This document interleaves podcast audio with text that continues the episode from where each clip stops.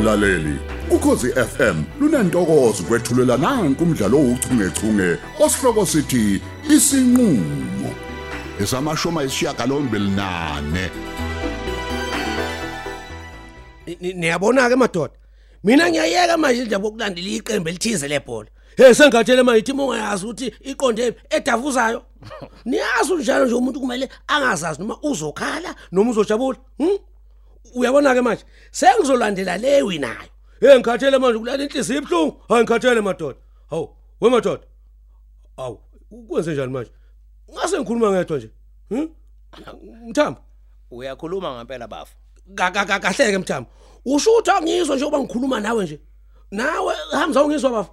Hm awungizwa? Hayi mina bafo ngiyakuzwa mfowethu ngiyakuzwa. Kepha ke anginayo inhliziyo yokuphendula mfowethu. Mhlawumbe nangu umthambo la uyokuphendula yena. awu uthi umuntu akangizwa nje. Awu kwenze njani wakithi? Kwangathi ukhona ungakuphethe kahle namhlanje kwenze njani? Uyabona magaya mfowethu ngiyazi ukuthi sonke sinezinkolelo zethu ezahlukahlukene. Cha ke lokho mfowethu akunayo inkinga. Sonke futhi sinemkhuba eyahlukene. Nalokho futhi cha hae akunayo inkinga. Kepha kuhle ukuthi singazami ukuphoqelela abantu ekuthenini benze lokho okuthandwa yithina. Akuzwakala inhlobo kahle mfowethu. Awu ukhuluma ngani ke bafu ngikhuluma ngendlela mfowethu osiphathe ngayo mlamuli. Ayizange nakancane izijabulise. Mthamo. kahle hle ngizwe ngiphoxeke uma ngabe ngikuzwa ukhuluma ngendlela obukhuluma ngayo nebandla mfowethu. Hayi hayi kahleni madoda. Hawu akusiwena mthambo ubungitshela ukuthi sonke sineyinkolelo kanjani nemkhuba yethu? Awushongo njalo hm? Uyabuza? Wemvuka kithi ungakaphenduli sorry sorry lapho mthambo ungaphendula. ya Awungitsheleke wena bafo. Uzama ukungitshela wena ukuthi uma uzala kuthiwa ke manje uyakhulelwa. ya Kuyomele mina ngingayifuni inhlawulo. Iyona ndlela leyo ke yesintu noma yobuKristu. hayi akusiwona phela umkhuba wami lo noma inkolelo yami makaya hayi lutho lutho bafu lutho uma ngabe mfowethu kungasiyona ke inkolelo yakho nomkhuba wakho kungani pho ungazalisanga umuntu wesifazana onenkolo efanayo neyakho? Kungani uhamba uzalisa emizini yabantu waziyo ukuthi uma ngabe unecala bazofuna lokhuyana nalokhuyana? Awukwazi mfowethu ukutshela abantu ukuthi ngeke ubahlawulele ngoba nakho wena inkolo yakho ayikuvumeli lokho. Hayi, i- awukwazi mfowethu. ilungelo lami nje. Ah eh Ilungelo bethu. lami. Eh mlamuli Hayi. mlamuli. Awukwazi ukuhlohla abantu nje inkolo yakho. eh, nemkhuba yakhe emphinjeni. Ah ngeke kwazi ukwenza leyo nto. Bafu. Ubenzise mfethu i- into abangamisani nayo. Hayi, Hayi, asikuyona indlela leyo kumele uphiliswane ngayo la emhlabeni. Asiphilisani nje kanjalo kulomhlaba. okokuqala ke nje mina mfowethu angiyazi inkolo yobuKristu engahambisani nokuthi kumele kuhlawulwe angiyazi nje nhlobo nhlobo nhlobo mina ngithe angihambisani nezinto zamadlozi Hayi bobafo, ngiyaphika nje mina. U- Ukuhlawula nje into engahlangene ndawo namadlozi. mtshele mfowethu Ukuhlonipha nje nokugeza umuzi wenye indoda kwaphela. Hey, nithi Ngeke uhlanganiswa leyo nto namadlozi. yeah Yizinto njena lezi eziyimkhuba yesintu okumele ukuthi sizenze ngaphandle kokufaka ezinye izinkolo phakathi. njalo nje Mina nje wakithi a- a- angizange nakancane nje ngibe happy. In fact, I, I was embarrassed ngendlela wena okuyiphathe ngayo. lalelani madoda mhlawumbe kungenzeka ukuthi aniyazi lento engisho kumele nazi ukuthi izikhathi ziyashintsha Hayi. kuningi insizwa zakhe sikubiza amasiko kubeni kungahlangene nesiko ngisho ngisho izile emnyama nje yabo lefa abantu besifazane abefelokazi akusiyona into yesintu leyo ho kodwa yafakwa abelungu niyakwazi lokho ngithi hayi siyakwazi lokho siyakwazi lokho ho manje Eh eh. Lokho vele kungumkhubo omuhle kumina. Ngoba phela kwenza omunye umuntu abone ukuthi cha. Lo mama lona uzilile. Akumele kukhulunywe noma kanjani noma ke mhlasimbe aqonyiswe. Uyayibona yeah, leyo nto? yeah. Nokunyeke nje u- okuningi. u- uyavuma ke kodwa ukuthi kwaqhamuka nabelungu Anginendaba mina nokuthi le ndiyaqhamuka kanjani. Enginendaba nakho mina ukuthi bekunika umuntu wesifazane ithuba lokuthi adlule esimweni esithile. Uyayibona leyo nto ngaphandle kokuthi aphazamiseke. Kepha futhi ke akukho umuntu okumelelana aphoqa ukuthi ke kumele azile ngalendlela. Hey. Futhi ke manje a- akusewona futhi umkhubo otheni owandile. A- Abantu abasazili mfowethu. niyazi futhi nokuthi isilo samabandla uma isizulu usanakhipha istatement lapho ethi indaba yena le nkomo zamalomolo kumele ibuyekezwe ngoba phela yaqhamuka nondlebe ekhanyilanga nithini-ke ngaloko wensizwa Mfowethu mina engikusho Yabuza. sibafo mana. Engikushoyo mina lapho ukuthi Ya. umuntu ozolobela ingane yami. Ngifuna inani lenkomo engilifunayo njengomnumzana womuzi. Angithi phela lokho kuvumelana nokuthi lento obuyisho wena ukuthi umuzi nomuzi unendlela owenza ngayo into zakho. Yeah. ngaphandle ke uma ongangezwe lakhe sethi ke la hayi isinqumo sami ukuthi inkomo zibe ngaka ngayinto ayiboloko hey kunjalo nakho ke inhlonipho ke ibalekile mfowethu wena wakhulelisa lapha kwakhumala ngithi? Ya. Banelungelo ke lokuthi bathi bacela umthoba inhliziyo ukuthi wakhulelisa ingane yakhona wena. Kanti futhi mfowethu usasho njalo Hamza mfowethu. Bamkhulisela ingane mfowethu. Uyayibona ke? angazi ke ngempela ukuthi usithathapi isibindi sokuqophisana nabantu abakufukamele kangaka? Ha finish Hawu. finish. Asingalokho esikhohlisana nje mfowethu le ndaba ayifike la egcineni manje Ya, ayiphele la. Akube khona isiphetho sale ndaba. Hayibo Kade ayilokho ikhulunywa phela le ndaba wena nje hlawula magaya Hayibo. akukho ukwenze njani? Hlawula ingane. La la la Hlawula la- ingane, Hlawula, hlawula. ingane hlawula. mfowethu, hlawula. Ingane Oh, mfowethu. hlawula wena. Hawu.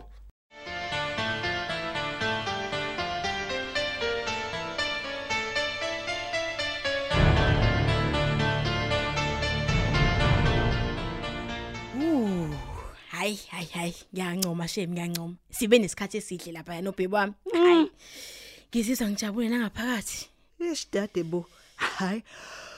Akusho wena siswami ngiyazibonela. Ubonakala nje ebusweni ukuthi no Aisha. You had a wonderful time. ha uyazi ukuthini yabona into enhle uphumula wazi zonke indawo eningi nje lapho umuntu akwazi khona ukuzincebelekela sihlale ngaphandle kokuthi lokho simosha imali Hayi ngikuzwa kahle siswami. Akusho uyiphi indawo ejabulele kakhulu vele wena? hayi kube kona nje ukuhlala epark nje uyabo A- a- akumele nje kuze kube indawo eziningi la sipenda khona imali kodwa siswami yazi ubuke ungekho right kwenze njani Ey awungixoxeleke sisi. Ukuthi imali le yokungcebeleka nihle nenyuka. Uyithathe vele. Ey. Phela mina nawe ngazi ukuthi mina somalamba manje angisazi ki. Ah ah na ungayinaki leyo nto ungayinaki leyo nto njengoba ngisho mina ngithi akudingi ukuthi uze ube nemali eningi hayibo uyazi kodwa wena ubonakala sengathi awukho right kwenze njani Hawu. Usho ukuthi sengize ngiyabona lapha ukuthi ngiyafukhathala. Ayibo hayi hayi. hayi phela ngowakithi siswami wena hayi ngowakithi mina ngeke ngaqaphile uma unge uma ungekho right kuhamba kanjani Ey umzimba wami nje uphansi. I-energy level yami iphansi. Sengathi ngathola something nje yabo engingabooster ngayo kance. Oh, ngave ngakhumbula. Lawa mahewu. Asakhona lawa mahewu vele efrijini. Yazi mhlawumbe wona ngangisiza. yazi hey uthi ngiyobheka khulile kodwa mengabe ngiwathola ngizokuthelela vele nami yazi ngilabhile ke manje ngifuna ukwenza nokudla Eh angithemba ukuthi lento engiyenzayo la izosebenza uma ngempela nje lo muthi ubuzosebenza ukuthi ubaba amthande futhi uFatima hey kusho kona ukuthi uZara uzomthanda ngiyesaba kodwa. Kuwafaka, ey awuthi ngivuvuzele kancane. Angifuni phela ukufaka kakhulu lo muthi yo. Awuthi Eh. Ngifuna uzaxuzeke kahle bo. Hey. Ya. Ahlangana ke manje. Hey. Ngeke abone ukuthi khona umuthi la. Asetheme nje ukuthi konke kuzohamba kahle. Hayibo. Azoletha phela kanti subanjwe yini? Sho siswami yazi eh ngiyeza.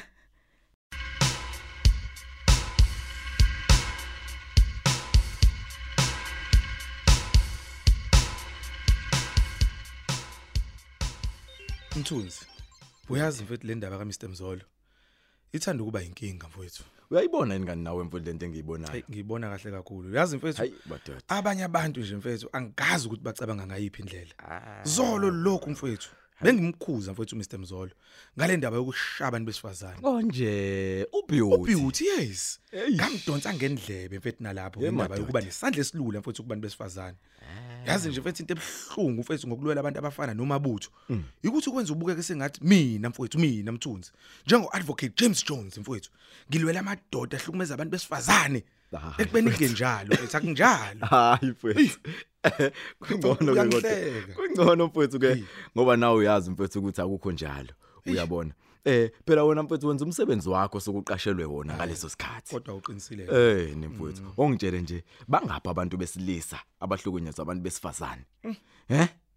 uthi wanika uma kungumuntu wesifazane ohlukumeze indoda Mthunzi noma kunjalo mfowethu. Uyabona nje isibalo sabantu besifazane futhi abahlukunyezwayo. Baphinde bafele ezandleni zabantu besilisa.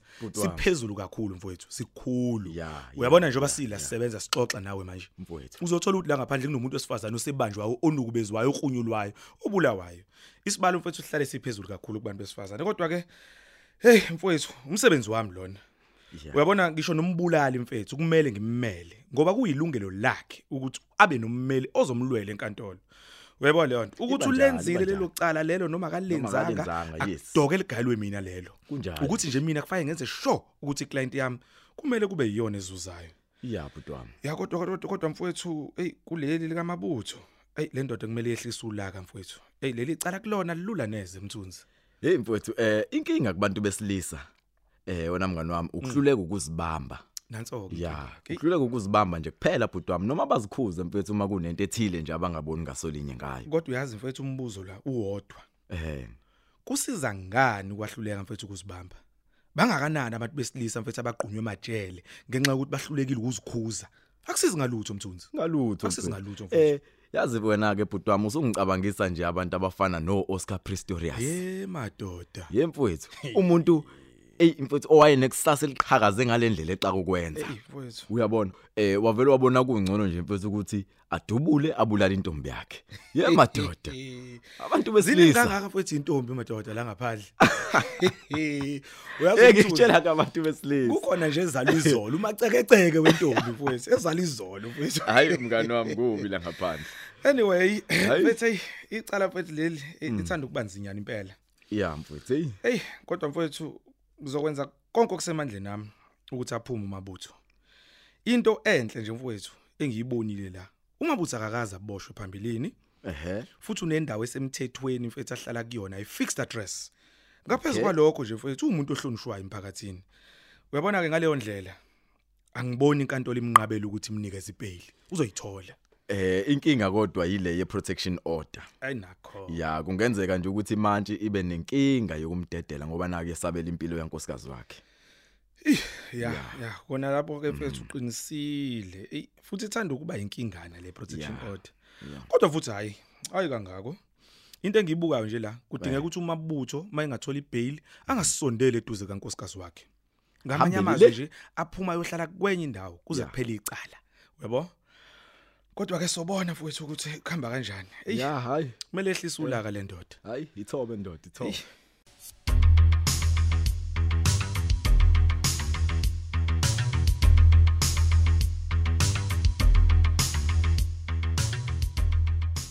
Hayi sizakithi? Mfowethu ngiyanizwa nje ukuthi kumele ngihlawula ngithi nisho njalo. Mhm kunjalo impela futhi. kubi. akujiki lokho wena noma ngabe unamupho omunye umqondo nge ngithi mina ngisho nesilo samabandla sasishilo ukuthi kunezinto esezaphelelwa isikhathi ezintweni zesintu. Kube nezinto eziningabi esigxishwe zona bacindezela abamhlophe Unenkani. nokumele zishintshe madoda. Ngisho nakhona le masontweni. Kuningi phela kumele kushintshwe?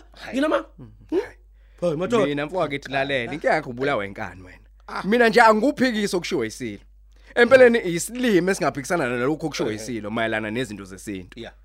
Kepha njengamanje emlamuli Sisho manje, sisho manje Mlamuli, manje mfowethu, manje. mangigcizelela kangaka. Kanti ngitheni madoda?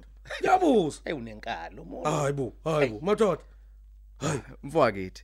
Inkinga yakho ukuthi usupport lento yakho yongafuni ukuhlawula ugeza umuzi wenye indoda he?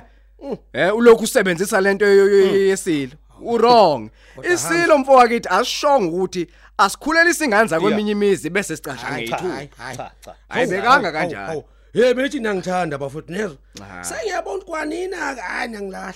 Niyangilahla Hayi, madoda ha- ha- lalela vici Lamuli. mfowethu. Akunjalo nhlobo. Asikulahle inhlobo nhlobo nhlobo nhlobo mfowethu. thina sikushoyo kuwena ukuthi konke akwenziwe ngokusemthethweni. Ukuthi ungangezwe lakhe uthi ayibhekwe lezi inkomo ezu11 lokho akuchazi ukuthi mfowethu sekusemthethweni. Ongangezwe lakhe uzoqhamuka yena nesinqumo. Thina kufanele sikwenze ukuthi asilindele isinqumo sakhe nje ube kuphela. Okwamanje bafo wena ngicela wehlele ngezansi. Finish. ulungise izinto zengane ukuze phela nayo umfowethu izokwazi ukuthi ikhululeke. Izinto zazo ziqonde nje zithi ngqo nakho nje kumanje akasitholi isikole nokusithola. Okungenzeka kanjalo ukuthi kwakhona lokho kunomthelele ekutheni izinto zakhe engahambi ngononina. Nje Uyayibona leyo wena nje into ezokusiza la mlamulo ukwehlela yehla mfowethu yehla ngeke mfowethu. ubulawe ngokwenza Yehlela lokho ngeke ngezansi. ufe. Hayi. Hayi kulungile ngiyanizwa madoda. Futhi ke ngicabanga kahle lento man. Hayi ngiyabonga bafuthu ngiyabonga. Hayi niyangibonisa. Hayi siyabonga. Ngibonga kakhulu cha madoda. kulungile mfowethu siyakuzwa mfethu asiqhubeke nosuku. Ubuthi iChiefs yenzeni? Eh.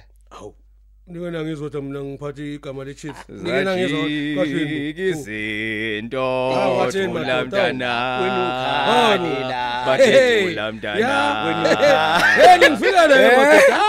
Akulunga kodwa izowina hayi kuleke ungakhali wena magayi ungakhali kakhulu. Uzoluka nje khona maduze. U- uyabona kodwa abafowethu lana sike sikhulume lento okubi njena ile ndaba yokushaya kwabaqeqeshi. Hayi cha nami uyabona bafana ke manje. leyo hayi nami hayi.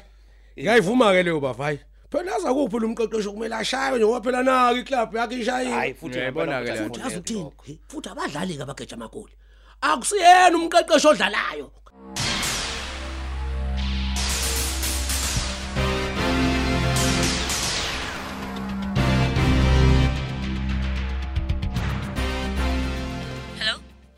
Baby, bamba kancane bandla. Sisi, yazi bengisakhuluma nocingo. Sorry baby yazi. Bengisaphumela ngaphandle la. Bengifuna phela uzarwa ngezwe sikhuluma. Oh akunankinga. Yazi njengoba ngikushayela nje nami ngifuna ukukhuluma ngayo le ndaba siswakho. Mhm. Hey please tell me phela ukuthi awukayenzi le nto yokufaka umuthi. Ngoba Baby selidlule selidumela dlula nje lelo. ayi usho ukuthini umuthi selidumela dlula? Yazi uyangithusa. Vela show uvala. Kahle phela ukutatazela. Hawu. Angisho mina ukuthi khona okubo sekwenzakalile cha. Kodwa nje konke kuhamba kahle. Hayi ngcono ke musho njalo. Ayibo. Yazi bengicabanga nje ngicabanga ngayo yonke lento ukuthi ngeke mina ngiyibona irongi. Akufanele ukuthi uyenze. Hayi kuyacaca ukuthi ukube kube washo kusani kusasekuqaleni lokho bebe wami. Hayi. Belungeke kwenzeke manje ke eh Sengize ngakwenza mina empeleni nje ngiqeda kumfakela khona manje nje. Azo. Uphuza amahewu sikhuluma. Kodwa ke ngithi amahewu wona athe ukushuba kancane so akubonakali noma kukhona ukufona kukhona phakathi. Hayi ngiyezwa.